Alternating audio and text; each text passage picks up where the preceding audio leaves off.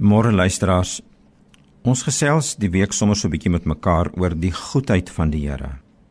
Nou wil ek vanmôre vir julle lees in Kolossense 3 vers 3 en 4. Want julle het gesterwe en julle lewe is saam met Christus verborge in God. Dis vers 3. Wonderlik om te weet. My lewe is saam met Christus verborge in God. Vers 4: Wanneer Christus wat julle lewe is by sy wederkoms verskyn, sal julle ook saam met hom verskyn en in sy heerlikheid deel.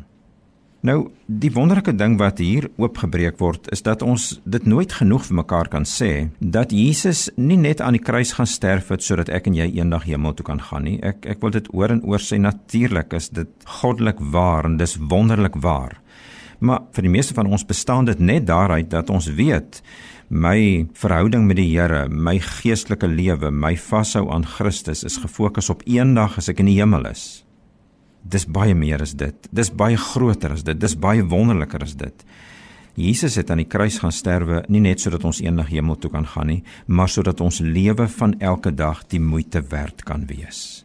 Hier staan wanneer Christus wat ons lewe is verskyn, sal ons ook saam met hom verskyn en in sy heerlikheid deel. Christus wat ons lewe is.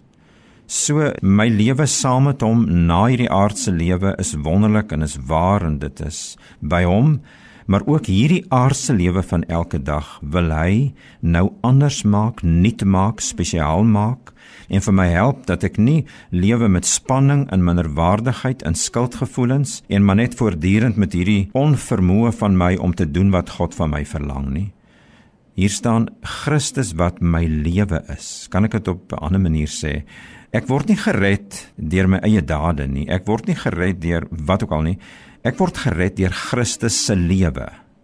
Hy wat homself nou aan my verbind het en wat sê hy wil sy lewe nou deur my sigbaar laat word. En wat is sy lewe?